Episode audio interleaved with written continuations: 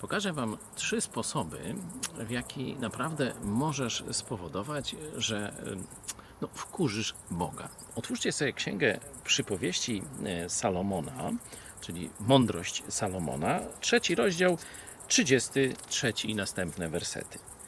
Klątwa Pana spoczywa na domu bezbożnego. Bezbożny to znaczy niegodziwiec, świnia moralna, tak zwana, nie?